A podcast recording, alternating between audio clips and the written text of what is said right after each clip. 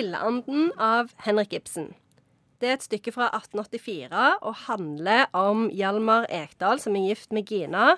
Tror han er far til Hedvig, men det finner han ut at han ikke er. Dattera dør. Alt blir kjipt. Der har vi det.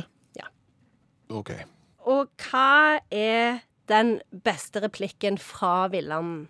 Det tror jeg er Gregers var sliten og gikk tidlig til sengs den kvelden. Det husker jeg fra et sånn et svart-hvitt eh, TV-teater som vi måtte se på skolen. Da vil jeg trekke fram 'Ikke øl i en sådan stund, gi meg fløyten'. Det er ikke fløyten, det er fløten. Det er fløyten. Nei, for sant, du ble jo tilbudt noe å drikke, og så vil du ikke ha øl. Da, du vil heller ha fløte. Du vil jo ikke kom... Altså, pils versus fløyte, hver greie. Det handler jo om drikkevarer. Nei, Han vil spille, han er glad og lett til sinns. Ja, da vil du iallfall ha pils. Eh, Nok om det. Nok om det. Jeg føler dere har trukket veldig mye spennende ut fra dette stykket, men det er jo dette med livsløgnen. Hva er det sitatet? Dette kan dere. Eh, Tar man livsløgnen fra et gjennomsnittsmenneske, så tar man livslykken fra det. Ja.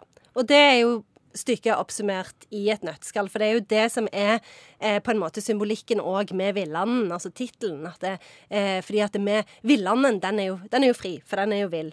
Eh, og vi tror kanskje at vi er frie, men egentlig så er vi fanga av våre egne liv.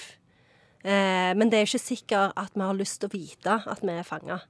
Eh, kanskje vi har bare lyst til å leve i fantasien om at vi egentlig er frie. OK, så vi har lyst til å leve i den villfarelsen at vi er far til vårt eget barn, når vi ikke er det. Ja, blant annet. Og her er vi jo litt tilbake. Vi kan jo tenke litt tilbake til Ødipus.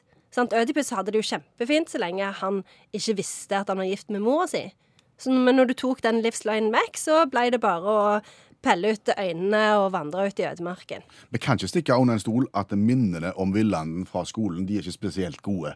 Det var triste greier. Men egentlig, er det noe du anbefaler? Bør vi lese det? Ja, jeg syns det. Og det som er med en del av de tekstene som en leser på ungdomsskolen og gymnaset, er at det er ikke sikkert at det er riktig tidspunkt. Altså Det kan være at det er noen tekster som er bedre å lese når en har modna litt. Fått litt erfaring og, og blitt litt eldre. Så det at jeg vil anbefale eh, å lese Villanden. Eh, og den, eh, altså Hvis vi går til hvem blir mest imponert av at du har lest Ibsen, så er det jo helt klart juristene og næringslivslederne. Altså folk som setter pris på tradisjoner og eh, tradisjonsrik kulturell dannelse. Eh, og eh, jeg tenker at det er litt de samme som blir imponert av at du har lest Hamsun. OK, så hvis jeg da møter opp i tweedressen min med tweedvesten og matchende slips, brunt belte og brune sko, eh, så klarer jeg å lyge meg til at jeg har lest Villand hvis jeg bare sier at dette handler jo om denne livsløgnen, eh, og at Gregers ble sliten og gikk tidlig til sengs. Ja, det- Og så det med fløten. Ja, selvfølgelig. Tusen takk, Janne Stigen Dragsholt, som er forfatter, litteraturviter, eh, hjelpetrener i friidrett og medlem av FAU.